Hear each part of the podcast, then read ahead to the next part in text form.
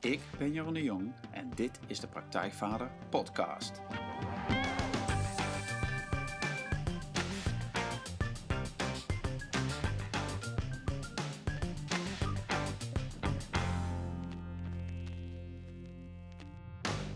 Welkom bij een nieuwe aflevering van de Praktijkvader Podcast. Jeroen hier. En zoals je weet, iedere podcast een gesprek met een inspirerend persoon die jou verder gaat helpen met de volgende stap in je vaderschap. Nou, goed dat je weer luistert. Uh, ik zit hier vandaag bij uh, Koen van Veenendaal. Koen, welkom in de podcast. Dankjewel. Ja. En Koen um, is een gedreven buiten de kaders man met een buitengewoon en een buitengewoon inspirerend persoon. Zijn missie is het leven van anderen geweldig maken. En hij werkt al jarenlang op hoog niveau als trainer op het gebied van leiderschap en is een graag geziene gast bij veel grote bedrijven. En ook heeft hij een grote passie voor gezondheid, of misschien beter het bestrijden van in zijn ogen, uh, ogen de onnodige ziektes, als kanker vooral. En um, Koen werd bekend bij een groter publiek als oprichter van het gigantische project Alpe 6, waarin sinds 2006 duizenden fietsers niet één keer, uh, maar wel zes keer uh, in één dag de, een van de moeilijkste fietsbergen in de Alpen beklimmen. En dat allemaal om geld in te zamelen om kanker geneesbaar te maken. Over zijn ervaringen met dit gigantische evenement en de principes van succes schreef hij het boek Grensverleggend Leven. En sinds 2010 is Koen gestart met het uh, bedrijf Inspire to Live, waarmee hij zijn drive om kanker geneesbaar te maken internationaal neerzet. Over de hele wereld probeert hij wetenschappers samen te laten werken en onderzoeksresultaten te laten delen, zodat informatie over geneesmiddelen en behandelingen eerder en beter bij de patiënt terechtkomt. Kortom, Koen doet veel en hij doet dat met een grote passie. Op zijn website koenvanvenendaal.nl, en dat is Koen met een C en Venendaal met twee E's naar de V, kun je daar veel over lezen en je kunt ook video's terugvinden van inspirerende presentatie, uh, onder andere van een mooie TED-talk. En Koen is uh, vader van drie inmiddels volwassen kinderen. Genoeg reden dus voor een goed gesprek, waarin we het gaan hebben over je eigen succes, je kinderen motiveren en hoe je je leven zo inricht dat niet alleen jij, maar ook je omgeving daar beter van worden. Nou Koen, nogmaals, uh, welkom in de podcast. Super dat je er bent. Um, ja, ik vind het, we zitten hier bij jou. Het is misschien even goed om een setting te geven voor, voor uh, degenen die luisteren. Er zit hier een, een, een boerderij aan de rand van de dijk in de buurt van Culemborg. En het is een mooie omgeving en uh, het is heel huiselijk hier. Klok tikt op de achtergrond. En uh, ja, fijn dat ik hier mag zijn, dat je hier me wil uitnodigen. Dus super. Nou, ja, ik, ik, kan beter zeggen welkom aan jou, want jij ja. bent de gast bij, bij ons thuis. Ja, precies. Ja. Um, ja, Koen, ik, ik introduceer jou even. Dat is informatie die overal te vinden is. Dat zijn de dingen die je doet. Um, maar als jij jezelf zou omschrijven, hoe zou je dat doen? Wat zou je dan zeggen? Ja, dat vind ik altijd een hele lastige vraag. Ik, ik, ik denk dat ik in de ogen van, van vele knotsknetter gek ben. Uh, ik ben iemand die continu uh, aan, het, aan, het, aan het uitvinden, aan het, uh, aan het zoeken, aan het uh, verleggen van grenzen is. als kind al vond ik het niet nodig om aan de conventies te houden. Als iemand zei van ja, zo doet iedereen dat, dan dacht ik gelijk van nou ja, dan kan ik het dus ook anders doen. Uh, een dwarsligger, uh, nou niet per se om nou dwars te liggen, maar wel van ja, weet je, ik vind het leuk om dingen uit te zoeken, te onderzoeken. En als, als iets zo is, ja, dan kan het ook anders zijn. En, uh, dus ik ben continu aan het nadenken van, goh, hoe zou het ook anders kunnen? En, en nou, grenzen verleggen, grenzen opzoeken. ja, dat vind ik heerlijk. Dus ik pas niet erg in kadertjes en nou, daar voel ik me ook helemaal niet, niet, niet zo lang bij. Nee, Nee, precies. Dus buiten de kaders. Ja, ja. Dat, is, dat, is, een thema wat, uh, wat vaak in het, uh, in het werk en de training die ik zelf geef uh, naar voren komt, buiten de kaders, zeg maar. maar wat is dan de plek waar je je wel fijn voelt?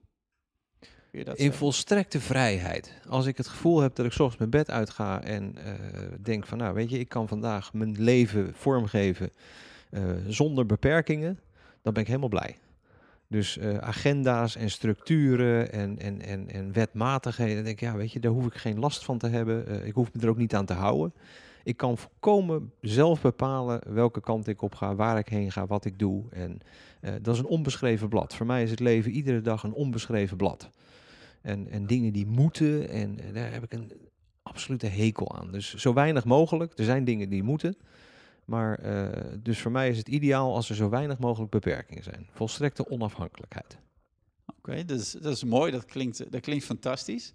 Ehm, maar om, om voor een beeld te krijgen, zeg maar, van hoe gaat het dan eh, als jij ochtends opstaat, zeg maar, en er is zo'n dag waarin de agenda leeg is, zeg maar, van wat, wat doe je dan?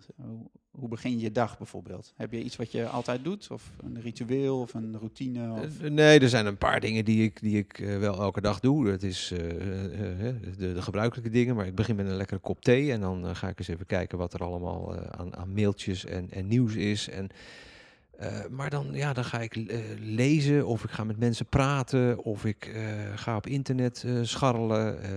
Ik laat mij inspireren en, en, en, en, en ga dan eigenlijk met de flow mee van hoe het zich ontwikkelt. En je komt dingen tegen, je leest dingen, dat geeft weer inspiratie tot andere dingen. Ga ik dingen opzoeken, ga ik met mensen over praten. Ehm, eh, zo, zo vult een dag, zo vult de week, zo vult een maand zich. Ik heb de meeste tijd geen enkel idee wat voor dag het is. Gisteren vroeg iemand van, eh, wat heb je gisteren gedaan? En toen dacht ik, nou, wat heb ik gisteren gedaan? Dan moet ik echt heel hard nadenken. Dat weet ik vaak niet eens meer, want ik leef nu.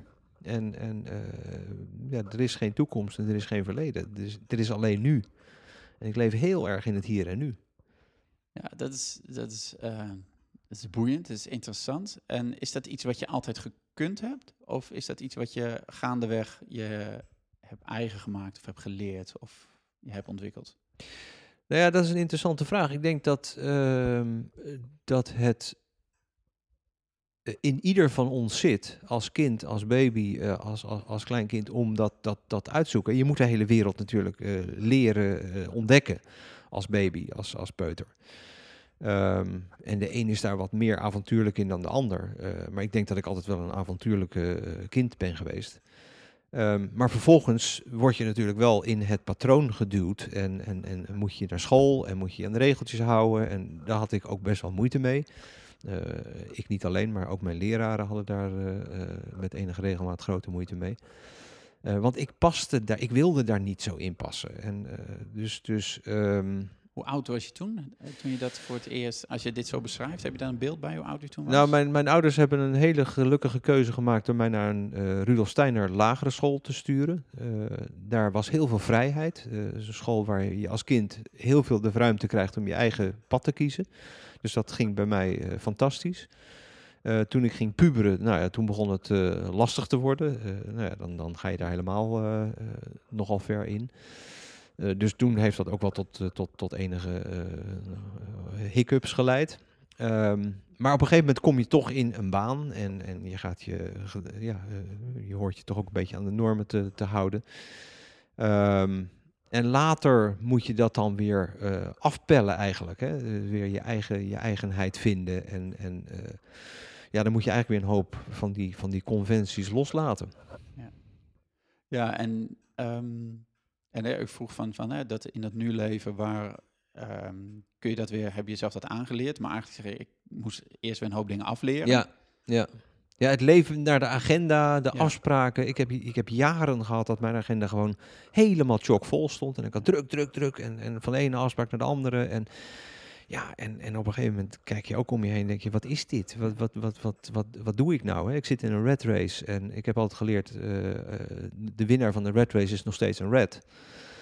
Wil ik dit wel? En, en ja, dan, dan is het antwoord, hè, de vraag stellen is het antwoord geven. Nee, natuurlijk wil ik dit niet, maar kan het ook anders? En eh, nou, dan moet je echt weer een hele hoop afleren. Ja, en was dat een, ehm, was, was daar een moment in dat je zegt, ja, maar toen moest het anders voor mij? Hè, veel mensen die hebben een keerpunt dat op één keer van, hey, dat zien, oké, nu moet het anders. Eh, of was het iets wat, wat geleidelijk ging bij jou?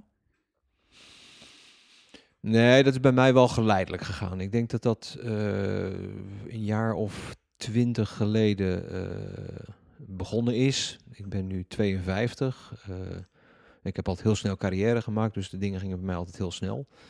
Maar ik denk een jaar of 20, eh, 18, 20 geleden eh, begon ik met het proces van nou, eh, eh, mijn eigenheid weer vinden. Ik ben toen naar een aantal seminars en congressen gegaan van onder andere Anthony Robbins ja, dan, dan kom je jezelf tegen en nou, dan, dan heb je nog wel wat tijd nodig om jezelf een beetje te hervinden. En, en, maar ook dingen loslaten, dat is, dat is het allerlastigste.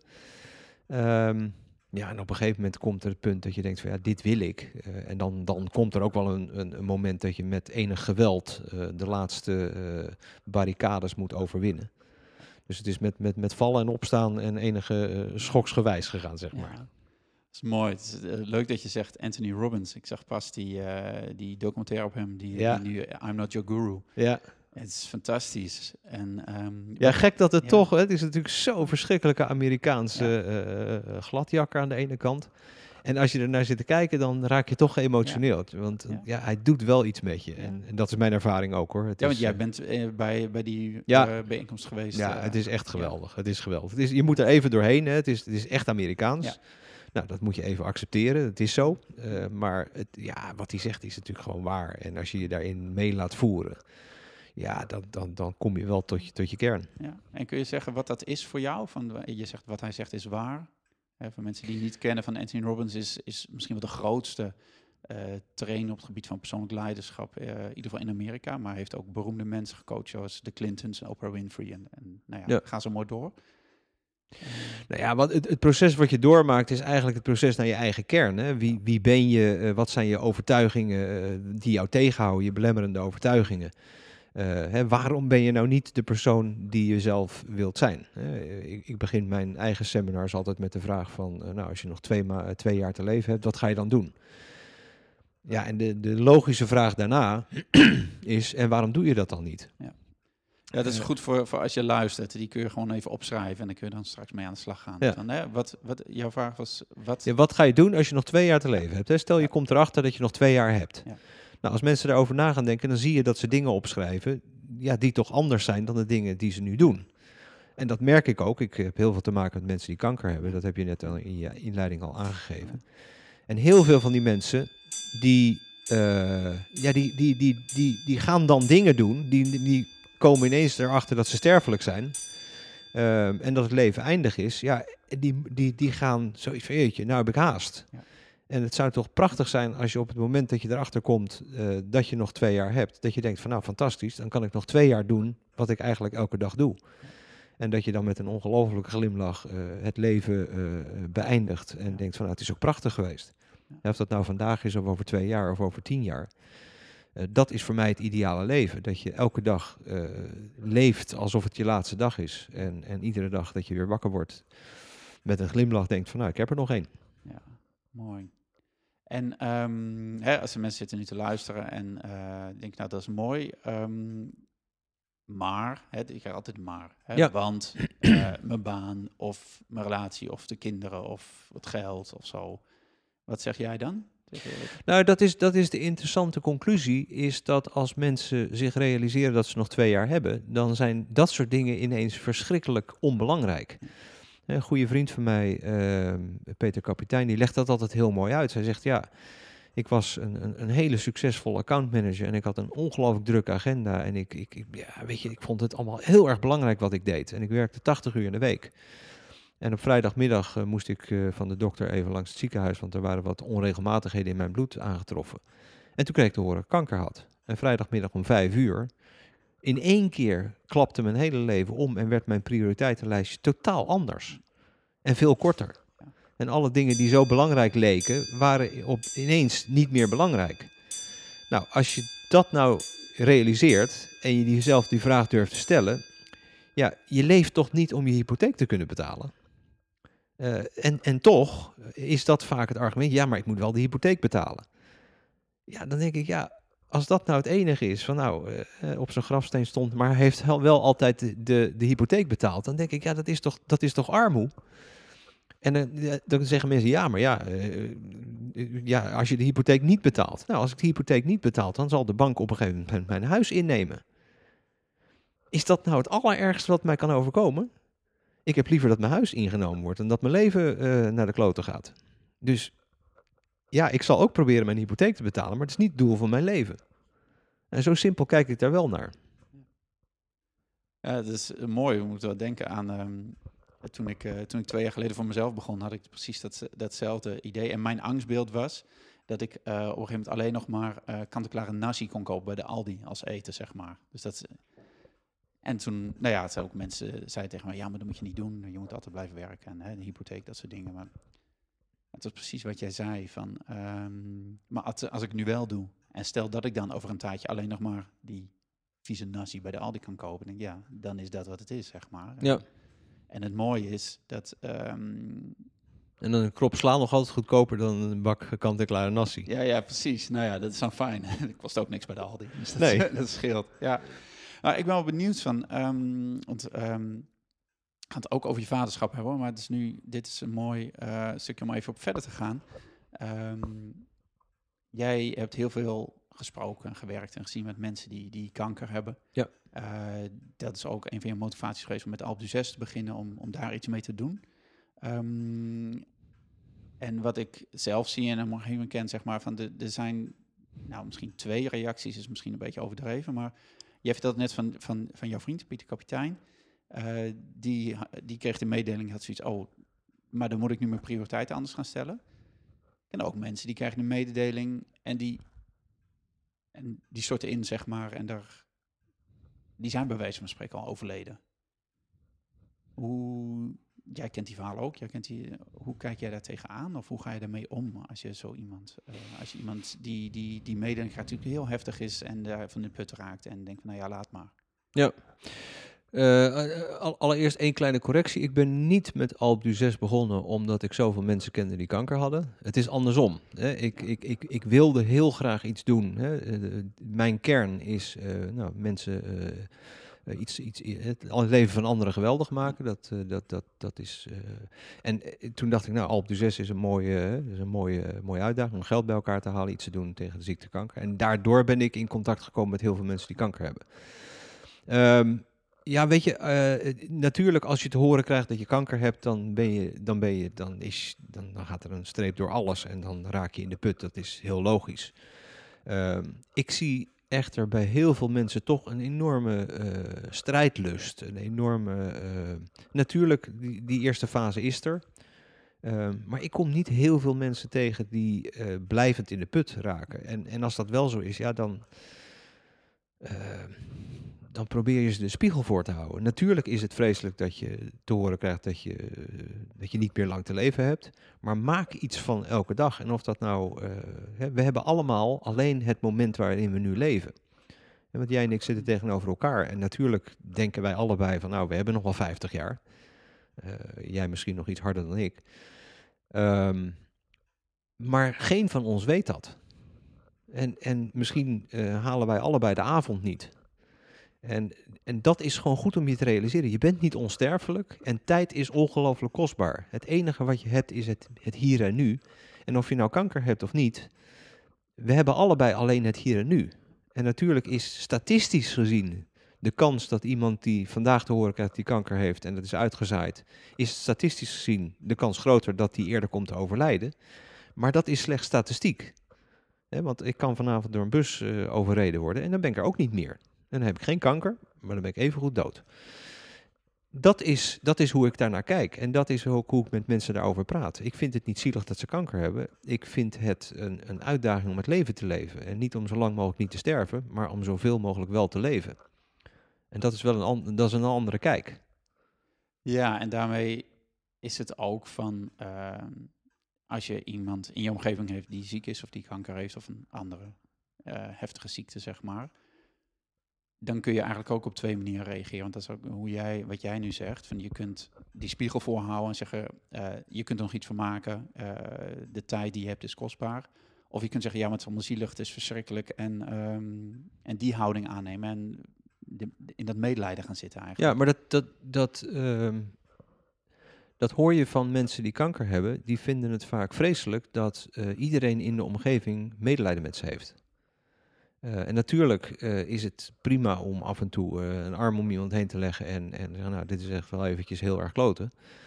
Maar ja, ik heb per definitie geen medelijden met mensen. Ook niet als ze kanker hebben, ook niet als ze ALS hebben, ook niet als ze niks hebben.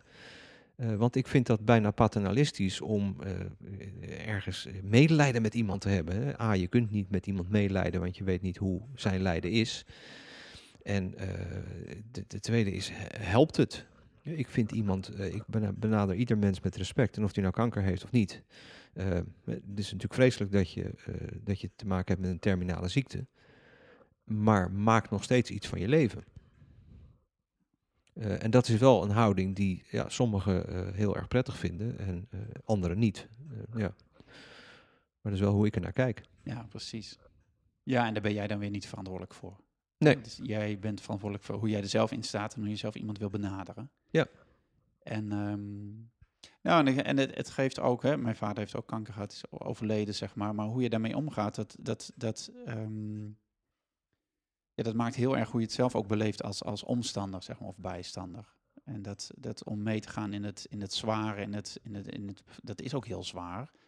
In plaats van naartoe te gaan, kom, we gaan nog iets doen. Of wat wil je nog? Of hè, wat gaan we doen? Ja, en het is ook een beetje, ik, ik haar helpen. Een goede vriend van mij, die, eh, die, die was heel erg ziek. had eh, darmkanker en eh, nou, vreselijke verstoppingen. En dat was echt, dat was echt een, een leidersweg. Ehm, en als ik dan bij hem kwam, dan, nou, weet je, dan, dan begon hij te vertellen over zijn- zijn darmen en zijn verstoppingen en zijn stoelgang. En nou, natuurlijk luister je daarnaar, want hè, dat is wat, wat, waar iemand op dat moment in leeft. Maar dan zei ik ook na een half uurtje, ik zei Herman, gaan we het nou alleen maar over, over, over eh, de darmen hebben en, en, en, en eh, de, de, de tijd op de wc, of gaan we het ook nog over leuke dingen hebben? En dat vond hij dan mooi, weet je. En dan keek hij me, ja, ja, nee, natuurlijk. En, en voor het weet zaten we dan over fantastische dingen te praten. En over het leven en over de, de plannen die we nog hadden. En, en de dingen die we samen gingen doen. En dan zie je dat iemand verandert. Want is natuurlijk, je kunt ongelooflijk makkelijk, zeker als je klachten hebt, eh, daarin blijven hangen. Maar het helpt niet. En je wordt er alleen maar naar van. En als je het over leuke dingen gaat hebben, dan voel je je beter. En dan, dan, dan gaat de zon weer schijnen. En, en ja, dat, dat, dat heeft gewoon een effect. En eh, natuurlijk moet je het niet negeren, maar geef het ook niet alles. Peter die, die heeft een boek geschreven, die zei altijd van, eh, natuurlijk heb ik kanker. Hij heeft een vorm die niet te genezen is. Ehm, maar kanker krijgt van mij twee uur per dag. En die andere 22 uur zijn van mij. En natuurlijk voel ik me elke dag kloot. Want het eerste was ik denk als ik wakker word, s ochtends, eh, kut, ik heb kanker. Maar ik ga er niet de hele dag mee rondlopen. Nou, en dat is een, een, een, manier van kijken naar die ziekte. Niet negeren, niet, eh, want het is er. Maar geef het ook niet alles. Geef het ook niet te veel ruimte. Ja, en als je dat met, met kanker kunt of met andere ziekten, dan kun je dat natuurlijk toepassen op iedere situatie waar je tegenaan loopt. Of in de put zit, of het nou je werk is of iets in je Ja. relatie. Of dan kun je dat overal op toepassen. Ja, Ja. En dat is precies eh, zoals het is. Ja, ja precies. Eh, mooi. Ehm, ik wil even gaan naar, eh, naar, je, naar jouw vaderschap. Ehm, en ik wil straks nog even hebben over... ehm, en dat is volgens mij een mooi verhaal hoe je ooit bij het idee bent gekomen om met Alp du 6 te beginnen. Maar jouw vaderschap, je hebt drie kinderen. Ja. Eh, voor de opnames begonnen vertelde je dat ze inmiddels allemaal alle drie het huis uit zijn. Ehm, hoe was dat? eh, hè, je, je schetste net je, je leven met, met je ambities, met je carrière en de omslag en het meer het nu zijn, zeg maar. Hoe was jij ehm, in heel die periode, hoe was je als vader? Ja, dat zou je mijn kinderen moeten, Ja. moeten vragen. Nou, hoe heb je je vaderschap ervaren dan, Koen? Dat is misschien een betere vraag. Ehm, ja, heel, heel, verschillend. Ik, ik, eh, ik, wil, ik wilde altijd heel graag eh, kinderen. Dat, dat, dat was van jongs af aan voor mij absoluut een, eh, een, een, een zekerheid dat ik dat, nou, dat hè, mits het ons gegeven zou zijn, was dat wel iets wat ik heel graag wilde. Ehm, toen mijn kinderen geboren werden, zat ik midden in mijn eh, carrièreopbouw. Mijn oudste is geboren in Zweden, toen werkte ik nog internationaal. Eh, reisde me helemaal eh, gek en moest echt eh, af en toe een beetje ruimte maken om ook nog thuis voor, voor de kinderen er te zijn. En ik weet wel dat er jaren geweest zijn dat ik me realiseerde dat ik minder vader was dan zeker het, het ideaalbeeld wat je hebt, hè, de, zorgzame vader, dan, dan, ja, dan ik me voorgenomen had. Ik werkte gewoon 80 uur in de week en, en eigen bedrijf en, en ja, heel veel reizen, heel veel weg van huis, eh, trainingen geven, twee, drie dagen van huis. En dat eh, één of twee keer in de week. Dus ja, ik was er nooit. En dat is wel een van de momenten geweest, eh, de eerste keer dat ik bij Anthony Robbins was. Ehm, eh, nou, dan, dan, dan, zijn er momenten dat je, dat je aan, aan eh, behoorlijk heftige introspectie doet. En eh, een van die momenten was wel dat ik me realiseerde dat ik eigenlijk altijd bezig was en eigenlijk helemaal niet er was als vader. En dat is wel een ongelooflijk heftig moment geweest. Ehm, ik heb dat recentelijk, eh, dat had te maken met mijn dochter en eh, met haar huwelijk. Nou, dat is inmiddels eh 18 jaar, 16, eh, 98, dus 18 jaar geleden dat ik die ervaring had. Eh, mijn dochter was toen heel jong. Ehm, en en eh, toen ik in de spiegel keek, toen realiseerde ik me dat, eh, toen ik, ik kwam haar tegen, ehm, dat ze getrouwd was. Eh, dus ik keek in de toekomst. En eh, ze had mij niet uitgenodigd voor de bruiloft. En eh, toen ik haar vroeg van, maar waarom heb je me dan niet uitgenodigd? Toen zei ze van, maar pa, je was er toch nooit voor me, dus waarom zou je er dan wel op mijn bruiloft zijn? Nou, eh, ze was toen eh, drie jaar oud, eh, maar dat was mijn, eh, mijn spiegel die ik eh, voorgehouden kreeg. En die komt Ja, binnen dan. Die Ja. kwam wel binnen, ja. Ja. ja. Als ik er nog aan denk, dan krijg ik weer eh, kippenvel. Ja, ik ook als je het vertelt. Ja. Dus toen dacht ik van, eh, ik denk dat ik toch het roer om moet gooien. Hè? Ehm, want als, dit wil ik niet. Ja, en als je dat niet wil, ja, wat wil je dan? Je wil er zijn voor je kinderen. Ja, dan moet je er tijd voor maken. Dan moet je niet eh, bij, bij een, een voornemen houden. Dan moet je dat gewoon doen. Dan moet je regelen. Be the man you want to be. Be the father you want to be. Nou, dus ik heb, ik heb eh, toen drastische keuzes gemaakt. Nou, eh, een, aantal daarvan eh, zijn ook bekend. Ehm, en wat heel mooi is, is om je te realiseren. Een paar weken geleden is mijn dochter dan getrouwd. eh, bij ons thuis, eh, in de tuin. eh, en ik mocht haar weggeven. Dus toen dacht ik van, eh, dan is er toch wel iets veranderd. eh, dat eh, waar ik in 98 op afstevende, in 2016 toch anders heeft uitgepakt. Ehm, ja, weet je, dat is, dat, is, dat is heftig. En dat is ook wat kinderen jou brengen. Ze zijn een spiegel. Ze zijn een spiegel voor jou, die je krijgt en waar je in mag kijken. Je kunt het ook niet doen. Maar het is wel een hele confronterende spiegel. Ja, dit is eh, zo. Is een. eh, ja, het komt ook binnen bij mij, zeg maar, wat je nu vertelt. Zo, zo, zo scherp ook. Ja, ja. Wauw. als een mes door mijn, eh, Ja. door mijn ziel sneed dat. ja. En hoe was het uiteindelijk om haar hier, hè, want wij zitten in jouw hui- bij jou thuis, zeg maar. Hoe was het om haar weg te geven? Ja, dat was een ontzettend emotioneel moment. Maar vooral je te realiseren, als ik nu terugkijk op, op eh, hoe de kinderen geworden zijn. Ja, dan kan ik alleen maar ongelooflijk trots zijn dat ze allemaal eh, zelfstandige, eh, nadenkende, zorgzame mensen zijn. Die allemaal bezig zijn hun pad te vinden. Ehm, maar die wel een, een, een, een, goede, stabiele opvoeding hebben gekregen. eh, waarin ze de normen en waarden en ideeën meegekregen hebben, die ze nu op hun eigen manier invullen. En dat, dat symbolische moment dat ik mijn dochter weg mocht geven, denk ik, nou, hier, hier geef ik een hele eh, goede, eh, zelfstandige, eh, stevige dame weg, die gewoon echt op eigen benen kan staan. En die ook in dat huwelijk een, een, een, een pilaar kan zijn eh, voor, een, voor een stukje eh, nieuwe samenleving. En zo meteen als moeder weer haar weg mag vinden daarin. Dus dat is geweldig. Weet je, dat gaat allemaal door je heen. Dan denk ik, ja, mooi. Ja, ja. En ehm, je zei net over, over eh, normen en waarden die je dan meegeeft. Zijn de normen en waarden die jij eh, bewust, of jij samen met je partner, bewust hebben doorgegeven? Dat Ja, absoluut. Daar wil ik echt eh, aandacht aan besteden. Ja, ja, er zijn absoluut dingen die ik, eh, of, die, die, die we. eh, eh, je, kijkt natuurlijk altijd als je aan kinderen gaat denken. En, en, en ja, wat wil, ik dan, wat wil ik dan zijn voor mijn kinderen? Wat, wat vind ik belangrijk? Dus kijk je naar je eigen opvoeding. Nou, wat heb ik meegekregen van mijn ouders? wat, ik, wat ik nu belangrijk vind. en, en dus heb ik ook met mijn ouders over gehad. Eh, zo vond ik de manier van omgaan met geld eh, heel mooi hoe mijn vader dat doet. Eh, mijn vader is een, een, een rode rakker, heel sociaal, heel, echt het socialistische gedachtegoed. En ja, dat vond ik mooi. Dus ik heb hem op een gegeven moment gevraagd, pa, ik zeg, hoe heb je dat? want ik, ik merk dat ik op dezelfde manier daarnaar kijk. En wa- wat is dat? Kun je dat zeggen wat dat is, die manier? Nou, de waarde van geld ehm, was in ons gezin, eh, bij ons thuis, was eh, mijn vader verdiende goed. Maar geld was helemaal niet belangrijk. Was geen issue. Hè. Mijn vader geeft totaal niet om geld. Ehm, en dat vond ik heel mooi. Weet je, een hele, de plek die geld innam, was een hele eh, ja, normale. Het was niet belangrijk, de auto waarin hij reed, of het huis dat hij had, of de bezit wat hij had, totaal niet van waarde. En als hij geld had, dan deelde hij dat ook met anderen. En, en, dus dat vond ik mooi. Ik denk, dat wil ik mijn kinderen ook meegeven.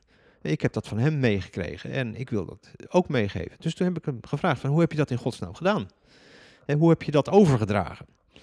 Waarop mijn vader mij aankijkt en zegt, ach Koen, ehm, kinderen luisteren niet naar wat je zegt, die kijken naar wat je doet. Toen denk ik, nou, dat is eigenlijk vrij makkelijk. Dan hoef je het alleen maar het voorbeeld te geven. En dan is dat wat je kinderen meekrijgen.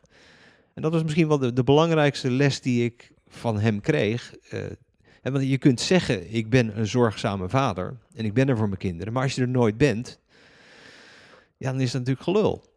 Eh, dus ben er dan ook voor je kinderen. En niet alleen fysiek aanwezig, maar ook mentaal aanwezig. Hè. Heb tijd voor je kinderen. Besteed aandacht aan je kinderen. eh, want dat is wat ze willen. En dat is het voorbeeld wat jij ze geeft als ouder. En dat is het voorbeeld wat ze dan ook weer meenemen eh, in de volgende generatie. Ja, dat is mooi. Dat is, dat is ja, voorleven. Of, hè, dus het gaat dan... Ik heb altijd bemoeite zelf een beetje met de term opvoeden, zeg maar. Want dat, voor mij gaat het over, nou ja, maakt niet zoveel uit, maar dat iets kneden tot iets worden. Maar dit, wat je zegt, het gaat over het voorbeeld geven. Ja. Het voorleven. Ja. Wat je, wat je doet. Mooi. En ehm, kun je zeggen, ehm, ehm, ja, je hebt drie kinderen.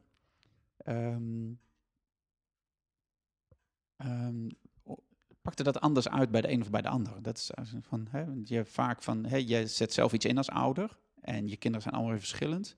En of ze het allemaal oppakken, of de een niet, of de ander wel, zeg maar. Ja, dat is heel moeilijk te zeggen. Weet je, mijn kinderen zijn zo extreem verschillend eh, dat ze dat allemaal op hun eigen manier eh, invulling geven. En, eh, en, en, en ook nu, hè, kinderen hebben ook natuurlijk hun eigen ruimte om dingen anders te doen. Ik, ik zou het ook geweldig vinden als ze bepaalde dingen zeggen, ja, dat heb jij nou wel zo gezegd en, en, en dat doe jij wel zo, maar ik ga dat echt compleet anders doen. Vind ik ook fantastisch. Eh, dus het is echt niet zo dat ze nou eh, hetzelfde moeten worden als ik. Ehm, nee, ze moeten hun eigen weg daarin vinden. En, en wat ze willen behouden, behoud dat. Maar wat ze beter willen maken of anders willen doen, eh, ga je goddelijke gang. Wat, het laatste wat ze moeten zijn is kloontjes van, van mij of van mijn vrouw. Ja, precies. Hey, en is, is er één ding dat je zegt, ja, maar dat, wat je bijvoorbeeld als je terugkijkt, zeg maar, wat je echt een lastig ding vond? Eh zeg je, ja, maar toen, toen wist ik het even niet meer, of toen kwam ik er even niet uit. Of, ehm, of ja, met een van je kinderen. Ja, ja. de- ehm, ehm, wat ik me een aantal keren gerealiseerd heb, is dat je eh, heel erg slecht of niet opgeleid wordt om ouder te zijn. Je, eh, we hebben op een gegeven moment een jaar of negen geleden een, een hond gekregen. Eh, en dan ga je met de hond ga je naar puppycursus en je leest daarover en eh, hoe belangrijk het is om consequent te zijn. En, en toen realiseerde ik me af en toe wel van, jeetje mina, we gaan met de opvoeding van die hond veel bewuster om dan met de opvoeding van je kinderen. Eh, en mm, zo consequent als we met de hond waren, hadden we in sommige gevallen ook wel met de kinderen kunnen zijn. Dus dit is, dat, is, dat is eigenlijk heel raar. En dat is wel wat je om je heen ziet. Hè. Niemand gaat naar oudercursus, maar iedereen gaat naar puppycursus. Ehm, het lastige van eh, kinderen vind ik dat je in situaties terechtkomt eh, waarin je je gewoon absoluut realiseert, eh, ik, ik doe mijn stinkende best en het heeft niet het effect wat je wil. Hè. Een van mijn, van mijn kinderen die had bijvoorbeeld heel erg moeite om om te gaan met, met, met, met tegenslagen. En eh, nou ja, het is heel erg pijnlijk als je ziet dat, dat je kind eh, eh, ja, in de war raakt of, of, of door, door het ijs zakt, in het wak terechtkomt, door ja, dat hij niet kan dealen met, zijn, met, zijn- met de omstandigheden waarin hij terechtkomt. En dat, dat nam behoorlijk heftige vormen aan. En wij als ouders deden ons stinkende best, maar hadden geen idee hoe we daarmee om moesten gaan. En misschien door wat we deden, met de beste wil van de wereld, deden we wel precies hetgene wat niet goed was. Ja, dat staat ook, het is, dan kom jij ook in conflict misschien met jouw filosofie, hoe jij in het leven staat, of niet? Nou ja, weet je, eh, eh, toen we op een gegeven moment professionele hulp hebben ingeschakeld en daar ook toen met, met een psycholoog ons in verdiept hebben van nou, wat, wat speelt zich daar nou eigenlijk af en hoe kun je daar als ouders op de beste manier mee omgaan. En toen werden wij daar ook in gecoacht en dat vonden wij ontzettend fijn.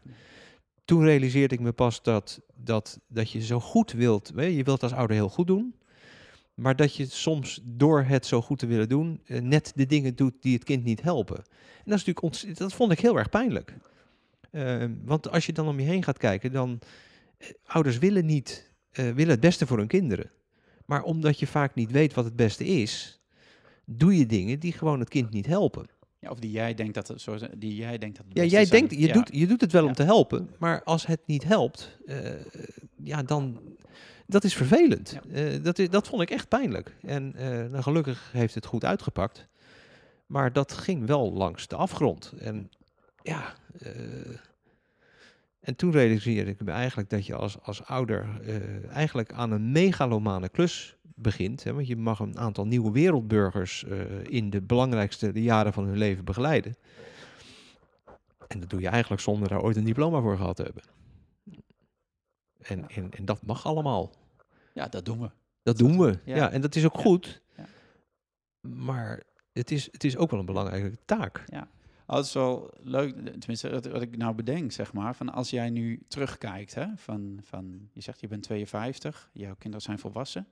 Als jij jezelf een tip of een advies mocht geven, als je helemaal terugspringt in de tijd, um, naar dat moment dat je kinderen klein waren, en je hebt er net al iets over gezegd, maar misschien nog iets anders. Wat, wat zou je jezelf als advies geven um, vanuit alles wat je nu weet en hebt ervaren? Um, uh, eerder uh, hulp vragen. Um, uh, je hebt het, tenminste, ik had het gevoel heel sterk dat ik als ouder, we moesten het zelf uitvinden en, en met elkaar. Maar toen, toen we op een gegeven moment uh, hulp daarbij hadden, een, een, een psycholoog, een, een coach, want hij, mijn zoon werd, nou, die, die, die kreeg coaching en wij ook als ouders. En dat was zo prettig. En ik, ik gun iedereen dat ze in het zijn van ouder gewoon ook een coach hebben. iemand die, en misschien is dat wel een, een gat in de markt, dat, waar, waar jij mee bezig bent, vind ik, vind ik heel mooi. Dat je daar als ouders met elkaar over hebt. En, en, en ook met professionals. hoe, hoe zit dat nou met psychologische on, ontwikkeling? En wat, wat zijn valkuilen waar je mee te maken krijgt? En hoe, hoe ga je daar op een goede manier mee om? En want nogmaals, ik denk dat iedereen wel het beste wil, maar je weet vaak niet wat het beste is. En, en, en enige hulp daarin, coaching, begeleiding, is dan ontzettend fijn. En in de eerste fase doe je dat wel, hè, want de boeken Hoe ik groei en uh, weet die, die, die lees je allemaal wel. Maar daarna kom je eigenlijk in een, in een onontgonnen gebied. En uh, bij de eerste doe je het alweer anders dan bij de tweede en de derde. Je leert gaandeweg. En dat is helemaal niet erg. Maar als het uh, dreigt te ontsporen, ja, dan is het wel belangrijk dat je daar op de goede manier ingrijpt. Ja, dat is, dat is mooi, want het, ik moet ook denken aan, uh, jij zegt ja, in het, in het begin dan heb je nog die oei ik boeken. Ja. En nou, ik weet niet hoe jij dat ervaren hebt, maar dat is misschien wel meer een ding van de moeders, daar heb ik het met mijn partner ook al over, maar er is ook juist in die eerste fase, is er vaak ook een soort competitie tussen ouders, van oh, hij kan al dit of hij kan nog niet dat en doe ik het dan wel goed. En, en dat, dat zorgt al voor een soort, soort sfeer van dat je niet meer soort open en eerlijk met elkaar gaat praten. Omdat als je zegt van, nou ja, ik weet het even niet, dat je dan misschien faalt als ouder of zo, zeg maar. En dat, nou ja, dat zorgt misschien voor die sfeer van, dat is lastig om gewoon een keer te zeggen van dat je het even niet weet. Ja, dat, dat, dat, dat, herken ik niet zozeer in onze situatie. Dat, de, de, waarschijnlijk ook omdat uh, uh, wij hadden gekozen voor een wat traditionelere rolverdeling. Hè. Ik werkte me helemaal de, de, de, ja. de touwtering en mijn vrouw was er thuis voor de kinderen. Um, dus dat, dat, dat herken ik niet, maar uh, het, het, is, het is vooral het moment dat je het eigenlijk allebei niet meer weet. Ja. Ja. En dat zijn, dat zijn de, de uitzonderingen, maar ik denk dat uitzonderingen vaker voorkomen dan we denken. Ja, ja en dan denk je allemaal dat je de enige bent. En uiteindelijk als je het gesprek aangaat, dan merk je dat je helemaal niet de enige bent. En dat iedereen op zijn manier wel ergens mee worstelt. Ja. ja. Nou ja, dat is ook wat, wat, ik, hè, wat ik zei van over de vadertrainingen. Dan, dat, is, dat is, mannen komen dan, die zitten voor het eerst bij elkaar en die denken dan... Ik vind het ook een beetje spannend om hè, eh, zo'n zo'n eerste bijeenkomst. Maar dan, is, maar dan als ze eenmaal iets verteld hebben waarvoor ze komen, dan is het... Oh, maar jij hebt dat ook. En jij, oh, gelukkig, ik ben niet de enige. Oh, Ja. bij jou is nog veel erger. Dat is ook heel fijn. Of, Ja. hè, dus, en dan nou, kon iedereen even ademhalen en dan, eh, dan kunnen we gewoon aan de slag gaan. Ja, behalve voor degene die zich realiseert dat hij de ergste is. Ja, nou, uiteindelijk kunnen we dat met, dat is wel mannen eigenlijk, kunnen we ook weer om lachen en zo. Dus dat, eh, het gedeelte smart ook een beetje. God, er is niemand die, bij wie het erger is dan bij mij. Ja, Hmm. ja, dat, is Nee, wel, ja, dat is wel interessant. Nou, de- ik heb nog nooit iemand gehad die daar heel van in de put raakte, gelukkig. Nou ja, maakt niet uit. Ehm, Koen, het is, het is een mooi gesprek. Ik, ik wil ehm, eh, even... ehm, ja, toch even. Ik had het al aangekondigd, zeg maar. Want het is een mooi verhaal. Daar vertel je iets over in je site. Een video zag ik staan, zeg maar. Over het moment dat jij dacht: eh, nu ga ik iets doen met die eh Alpe d'Huez in, in, in Frankrijk. Ja. Wil je er iets over vertellen? Hoe het idee geboren werd voor de Alpe d'Huez? Ja, weet je, de, ik, ik heb al een beetje aangegeven dat ehm, op een gegeven moment ga je, eh, tenminste dat, dat heb ik gedaan, ga, ben ik in de spiegel gaan kijken. Van eh, hoe zit mijn leven nu in elkaar? Eh, hoe verhoudt zich dat tot datgene wat ik wilde toen ik nog niet mij aan de, aan de, aan de, keurige norm hoefde te houden? Wat wilde ik als kind? Waar waren mijn dromen? Ehm, ja, en toen merkte ik gewoon, van, ja, er zit een discrepantie tussen wat ik wilde als kind en wat ik nu aan het doen ben. En eigenlijk doe ik heel hard mee aan een, een, een, een, systeem, een, een economische eh, eh, gebeuren, waarvan ik vroeger altijd dacht, ja, dat niet. Eh, eh, ja, dus toen ben ik een beetje na gaan denken. En, en dat, dat, eh, dat is begonnen in, in 98 toen ik voor de eerste keer naar Robbins ging. En, en allerlei dingen daarmee gedaan heb. Van, ja, maar, wat dan wel? Hè? Want dat is het lastige. Ik, was, eh, ik had een eigen bedrijf, ik was succesvol. nou, ik kon alles doen wat ik wilde. Dus je gaat ook niet zomaar in één keer alles weggooien. Hè? Dus, dus, nou, en, en toen is dat idee op een gegeven moment ontstaan. Hè? Een aantal dingen gecombineerd van we gaan iets doen voor, voor kanker. Fietsen vond ik leuk. Eh, de Alpe d'Huez is een mooie berg. Eh, nou, zes keer, dat was een beetje de grens van wat haalbaar was. Nou, al die ideeën kwamen bij elkaar en nu, toen is dat idee geboren om daar dan een fundraiser van te maken. Ehm, Maar jij zegt zes keer is haalbaar.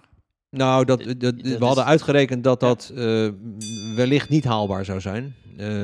Dat, dat zat op de grens. Hè? Ja. Eh, 6600 hoogtemeters. Nou, menselijkerwijs zou dat misschien wel de, de, de max zijn wat iemand, als die mooi wind mee heeft en eh, het alles zit mee, zou kunnen halen. Eh, nou, dus, dus dat, ja, dat- als, je, als je van uitdagingen houdt, is dat leuk. Ja, Eh, want heel veel mensen verklaren die ook voor gek. Zeggen dat kan nooit. Je krijgt nooit iemand zes keer die berg op. Ja, heel veel mensen, bijna iedereen verklaart het Ja, voor gek. precies. Ja. Ja. Maar ja, goed, dan komt dat recalcitrante mannetje in mij naar boven. Ik, Ja, jullie kunnen het allemaal gek vinden, maar ik ga het toch doen. Eh, een beetje pipi langkous. Ik heb het nooit gedaan, daarom denk ik dat ik het kan. Ehm, ja, daar moet je wel een beetje, eh, dat, dat moet je wel leuk vinden. Hè? Want als je te veel luistert naar alle wijze adviezen, dan was Alp de Zes er nooit gekomen. Dat, dat, iedereen verklaarde me voor gek. Bekende wielrenners, eh, artsen, wetenschappers, eh, iedereen. Dus het was niet zo dat nou iedereen stond te juichen. Ja, en, en dan... dan mijn moeder zei altijd, als je Koen iets wil laten doen, moet je zeggen dat het niet kan. Dan, dan, dan begint er gelijk bij mij iets te borrelen van, nou, dat zal ik dan wel eens zien. Ik vind het niet erg om erachter te komen dat iets niet kan. Maar als iemand zegt, ja, dat kan niet, dan denk ik niet gelijk van, nou, dan, zal- dan zal die wel gelijk hebben. Dan denk ik gelijk van, nou, dat gaan we nog maar eens ontdekken. En ik vind het leuk om dan zelf te ontdekken of het wel of niet kan. En als het niet kan, dan, nou, dan kan het niet. Maar vaak blijkt dan toch dat het wel kan. Eh, iedereen zei dat het niet kon, tot er iemand eh, kwam die dat niet wist. Ja. Ja. Ja, dat is mooi. En toen had je opeens die mensen die de berg op fietsten. En ieder jaar werden het dan meer. Nou ja, je had, je- Ja. je- ik heb het eerste jaar eh, met heel veel eh, eh, praten een aantal mensen bij elkaar gevonden die dat wilden doen. die gek genoeg waren om, de, om die uitdaging aan te gaan. Maar dat waren er toch een stuk of 60? Ja, 66. Ja, precies. Ja, Nou, ja met een beetje kunst en vliegwerk hadden we er uiteindelijk 66. Ja. Maar dat was hard werken. En, en, maar uiteindelijk waren dat wel de pioniers die hebben aangetoond dat het niet alleen mogelijk was, maar dat het ook nog eens een ongelooflijk geweldig gevoel gaf. En, en, en dat was wel, dat, die, die eerste keer dat we in, in juni, eh, 6 juni 2006, daar boven die berg stonden. eh, die avond, ja, die vergeet ik mijn leven niet meer. Dat is echt een keerpunt geweest. Toen heb ik me gerealiseerd waartoe uh, de mens in staat is. Niet zozeer fysiek om die berg op te kunnen, want dat is helemaal niet zo spannend. Uh, maar wel dat je voorbij alle grenzen van comfort en, en, en, en, en, en welbevinden en gaat uit liefde voor een ander. Want, is dat het geheim? Ja, ja dat is absoluut. Uh, afzien voor een ander levert de grootst mogelijke voldoening op. Dat, dus, is, dat, ja. dat, is, dat, is, dat is eigenlijk uh, mijn levensmotto en, en uh, credo. Hè. Afzien voor een ander levert de grootst mogelijke voldoening op. Dus als je bereid bent voorbij je eigen comfort te gaan uit liefde voor een ander, dan, dan, dan kom je regelrecht in de hemel. Dat is een plek die gewoon met niets te vergelijken is. Maar goed, echt afzien, pijn lijden, uh, offers brengen. Ja, dat is weer tegen onze uh, natuurlijke staat in. Hè. We zijn zoogdieren en zoogdieren houden toch van comfort. En, uh, dus, dus uit die comfortzone gaan, echt voorbij alle grenzen gaan. En niet een klein beetje, maar fors. Uit liefde voor een ander. Dus niet om te bewijzen dat je zo'n geweldige bikkel bent. Ja, dat, dat is het geheim. En voor wie, uh, voor wie doe jij dat, dat afzien? Kun je dat zeggen? Voor wie? Nou ja, dat, dat doe je soms uh, voor iemand die je kent. Maar uh, zoals je in, in de intro al zei, uh, als ik mijn leven kan inrichten om het leven van anderen geweldig te maken, dan is anderen een abstract begrip. Of ik nou wel of niet weet voor wie ik iets beteken. Ja, er zullen misschien mensen naar deze podcast luisteren en denken van wauw, ik, ik, ik, ik, ik, word geraakt of ik, ik, ik laat me raken, ik, ik ben geïnspireerd. Ja, ik hoef in principe dat niet te weten. Um, ik hoef niet te weten um, wat het effect van de dingen die ik doe is. Uh, maar ik voel, ik weet dat het een effect op anderen heeft. En als ik mezelf in die modus kan houden om continu uh, grenzen te verleggen, nieuwe wegen te vinden, uh, oplossingen te vinden voor problemen die er zijn in de wereld, dan hoef ik ook niet te weten wat er achter mij gebeurt. Maar dan weet ik dat de positieve invloed die ik mezelf meegeef en de, de, de, de, hetgeen wat ik zelf ervaar, ja, dat is fantastisch. Daarom is mijn leven ongelooflijk mooi, omdat ik zoveel uh, voel van wat het effect is uh, van wat ik doe. of ik dat nou wel of niet rechtstreeks teruggekoppeld krijg, dat is niet van belang. Het voelt verschrikkelijk goed. Ja, Wauw, ja, je weet het eigenlijk zelf al. Ja. Je weet het zelf al en je hebt niet die bevestiging of die van anderen nodig. Zeg nee, want dat is je ego. Hè? Ja. Je ego wil bevestigd worden. Ja. Maar dat hoeft helemaal niet. Want dat is, dat, is, uh, als je, dat, dat, dat, is, dat is handig om dat los te laten. Ja. En um, dan spreek je even aan als, als, als trainer of als mens Koen, zeg maar. Van, wat is een hele snelle manier, zeg maar, of, of een praktische manier waarop uh, iemand die zit te luisteren, zeg maar, die zegt, ja, maar als je nou dat stukje los wil laten, dat ego, die, die, die erkenning van anderen, of nou gaat als mens of als vader, maakt niet uit, zeg maar. Wat is een manier die je daarvoor kunt inzetten? Is een goede manier? Um, nou, de, de, de, de, de vraag die je jezelf kunt stellen is, uh, één, waarom doe je het? En uh, uh, de volgende vraag is, maar stel dat dat nou wegvalt, zou ik het dan ook blijven doen? Um, en dat is, dat is soms best wel lastig te beantwoorden. Ik, ik, zal het voorbeeld geven van Alp d'Huez. dat, dat, dat, toen dat groter werd, uh, levert dat natuurlijk heel veel positieve reacties op. Hè. Er werd meer en meer geld binnengehaald en meer en meer mensen gingen meedoen. Mensen, veel meer mensen kregen die, die geweldige ervaring van dat afzien. Um, en, en ja, dat leverde heel veel waardering op. Hè. Ik was een gevierd man in Nederland, hè, de oprichter van Alp d'Huez. En, nou. In 2013 uh, viel al die, uh, die, die, die, die, die waardering uh, in één keer weg toen, toen ik be beticht werd van het achteroverdrukken van geld. Ja. Onterecht, hè? Dat was onterecht, hè? maar dat, dat, dat haalt de media dan niet meer. Um, maar op dat moment valt al die externe waardering weg.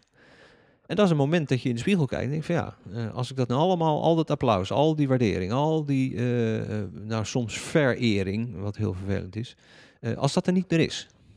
Ja, waar zou ik het dan nog voor doen? Dat is een logische vraag. En toen realiseerde ik me van, ja, het, interesseert me geen fluit. Of ik nou eh, toegejuicht word of verketterd word. Mijn droom is mijn droom. En daar kom je niet aan. En dat was een heel bijzonder moment om je te realiseren dat je niet afhankelijk bent van het wel of niet krijgen van waardering daarvoor. Want daar deed ik het niet voor. Ik kreeg het, maar toen ik het niet meer kreeg, maakte dat eigenlijk voor mij niet uit. En ben ik gewoon doorgegaan op het pad waarop ik zat. En met evenveel voldoening en, en, en eh, respect voor mijn eigen keuzes daarin. Nou, en dat is wel een, een in die spiegel durven kijken. Ehm, ik, ik vraag het mensen wel eens eh, van, eh, heb je een mooie baan? Ja, een geweldige baan. Nou, is dat, is dat, ja, daar haal ik alles uit wat ik wil. Nou, stel nou dat de betaling wegvalt. Dat je er niet meer geld voor krijgt. Wat ga je dan doen? Ja, dan, dan, dan stop ik ermee. Dat vind ik een bijzonder antwoord. Hè? ik denk van, hè? Maar je vindt het toch geweldig om dit te doen? Hè, er was op een gegeven moment, ehm, ging er een, een, een, een, een eerste divisie voetbalclub ging failliet. En eh, nou, dat was nog niet helemaal duidelijk of ze failliet werden, maar in het weekend was er, was er onduidelijkheid over en eh, de betalingen werden in ieder geval opgeschort. Dat was surseance van betaling. Ehm, maandag verschenen de, de, de, alle voetballers niet meer op de training. En dan denk ik, dat vind ik bijzonder. Hè, vroeger ging ik voetballen. Ging ik op het veldje voetballen. Kreeg geen, geen, voor. Want ik kon helemaal niet voetballen. Maar ik vond het gaaf. Vriendjes erbij, hop, en dan gingen we voetballen. En dan je zou denken, als je profvoetballer bent, vind je voetballen geweldig. Want dan mag je gewoon heel dag spelen. En dan hoor je in het weekend dat je niet meer betaald wordt. En maandag besluit je gelijk, nou, ik kom niet meer, ga niet meer voetballen. Nou, dat, dat, daar, daar kan ik niet bij. Nou, en dat is wel, hè, dus, dus eh, doe je nou werkelijk wat je ook zou doen als je hoort dat je nog twee, maanden te twee jaar te leven hebt. Eh, ook als je, eh, je, je, je werkgever zegt van, joh, ik kan even niet betalen. Ja, maar ik doe het niet omdat ik betaald word. Ik doe het omdat ik het geweldig vind. En het is fantastisch dat ik er ook voor betaald krijg. Maar als ik er niet voor betaald krijg, dan ga ik een manier verzinnen om het toch te blijven doen. Dat is leven. Ja. En dat is, dat, i- als, je, als, je, als je dat punt kunt bereiken, ja, dan ben je volgens mij zit je in, die, in je kern. Dus die vragen moet je jezelf durven stellen. En dan moet je verrotte eerlijk tegen jezelf zijn. Ja, dat vraagt. eh, de vraag stellen is. Jij, jij zegt de vraag stellen is het antwoord geven. Dus de moed begint met de vraag stellen. Ja, En luisteren naar het antwoord. ja, En, en als je dan, hè, dus, en als je het antwoord geeft op zo'n vraag, zeg maar, oké, maar dan zou ik het niet blijven doen. Dat- Als het over het werk gaat bijvoorbeeld, dus dan, dan zou ik eigenlijk iets anders willen doen. Wat is dan de volgende stap na dat inzicht? Nou, wat houd je tegen om dat te gaan doen? Ja, dan kijk je naar de omstandigheden of je omgeving. Of, Ja, weet je, Ja. doe. Wat zou je nou het liefste willen doen? En wat houd je tegen? Welke overtuigingen zitten eronder? En, en nogmaals, eh, het klinkt als een cliché, maar iemand die nog twee jaar heeft, die kijkt totaal anders. En dat is natuurlijk makkelijk, want je hoeft je niet druk te maken over. eh, ik sprak laatst nog een, eh, een, een, eh, een, oncologisch specialist. Die zijn hele leven met mensen te maken heeft die, die kanker hebben. En, en die kreeg ook te horen dat hij terminaal was. Ik zeg, jezus, ik heb hem opgebeld. Ik zeg, goh, hoe is dat voor jou? Hij zegt, Koen, weet je, er is een last van mijn schouders gevallen. Ik keek hem aan, ik zeg, pardon? Hij zegt, weet je, ik hoef me niet meer bezig te houden met of ik zo meteen voldoende pensioen heb. Ik ben er helemaal klaar mee. En dat hoeft niet meer. Wat een heerlijkheid. En toen dacht ik van wauw. Weet je, dus ook voor hem was het blijkbaar toch ook nog wel bezig zijn met die dingen. En, het is, en daar was hij van bevrijd. Dus hij zag het eerder als een bevrijding dan als een last. ja, dat is bizar. hè? Ja, dat is bizar. En Ja. dat is, als je dat, denk ik van wauw. Ja. Ja, dat zijn voor mij hele mooie, kostbare momenten en inzichten. eh, eh, waar ik dan anderen ook weer mee wil helpen. En mezelf wil helpen. Hè, want ik, ik ben niet klaar. Het is continu elke dag weer je- jezelf in die spiegel aankijken. En, en, en, en, en je leven polijsten. En, en, en verbeteren en, en zoeken. En, want het is een continue zoektocht. Het houdt nooit op. Het houdt nooit op. Nee. Nee, gelukkig maar, want dat zou het verschrikkelijk saai maken. Ja.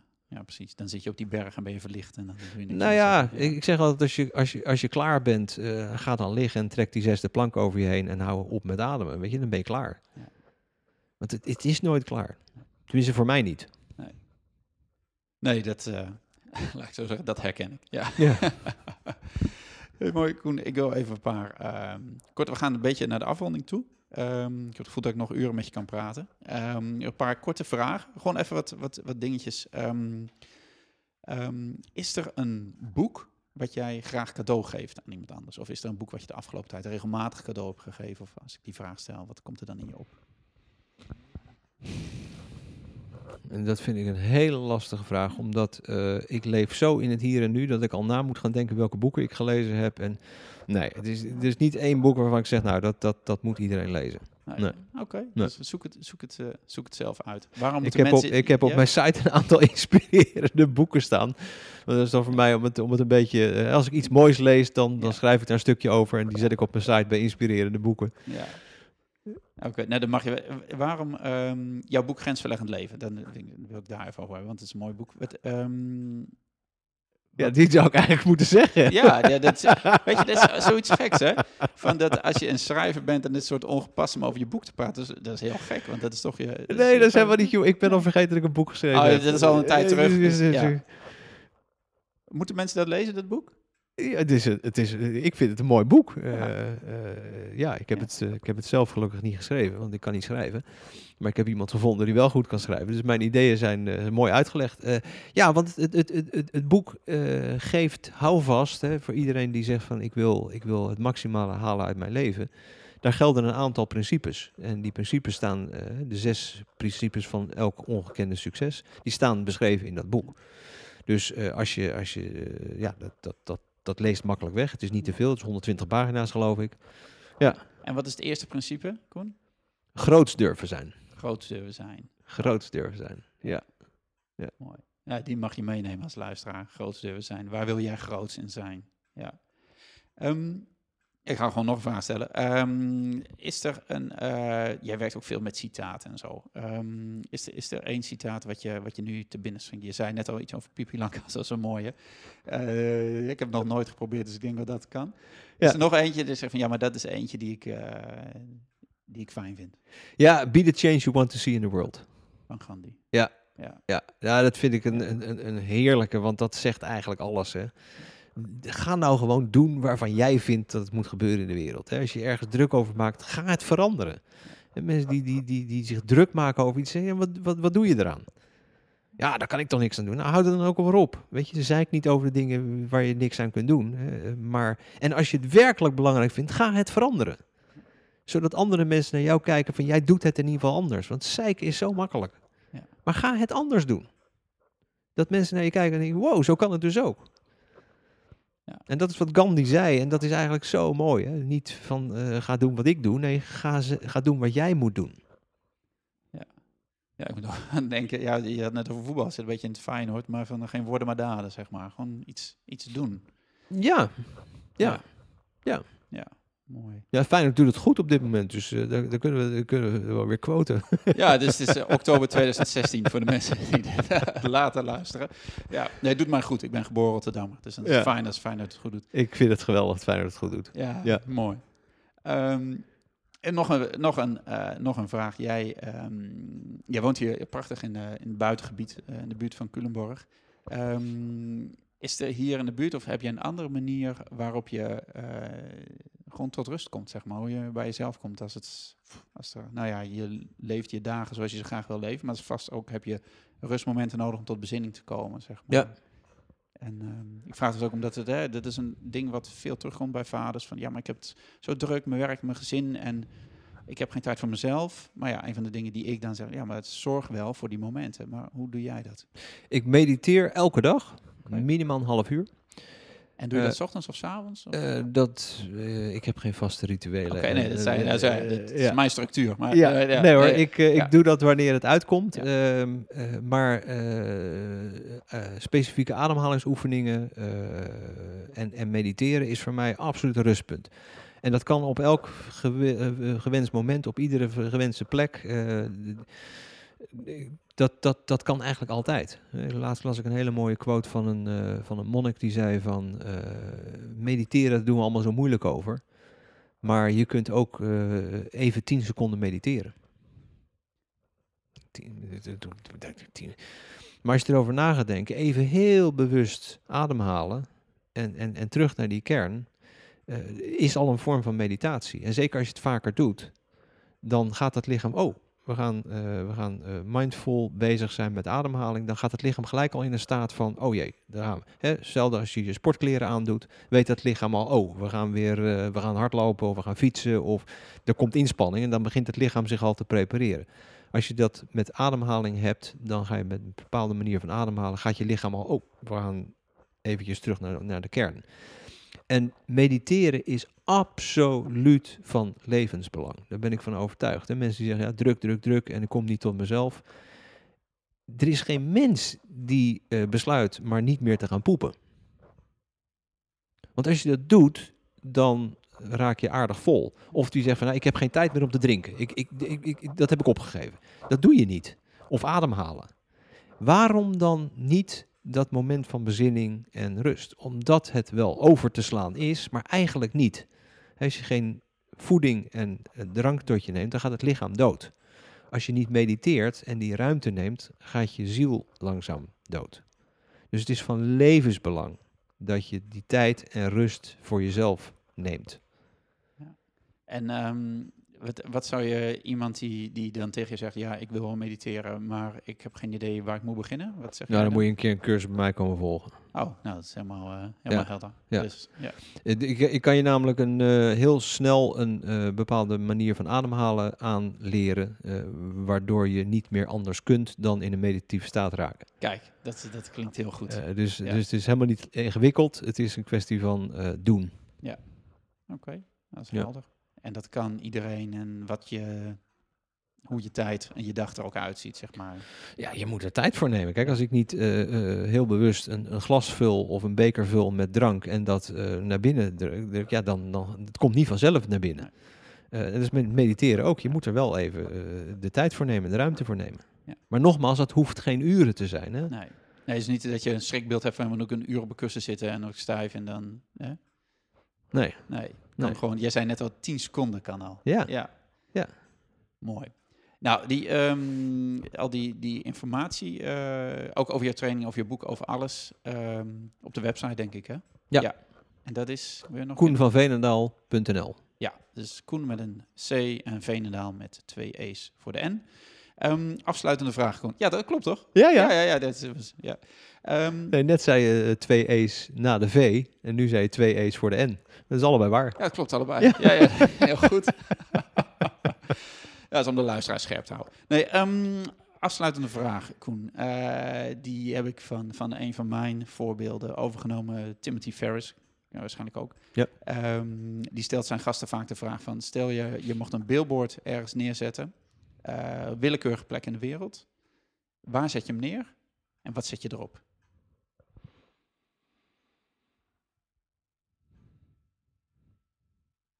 Geen idee. Oh, nee.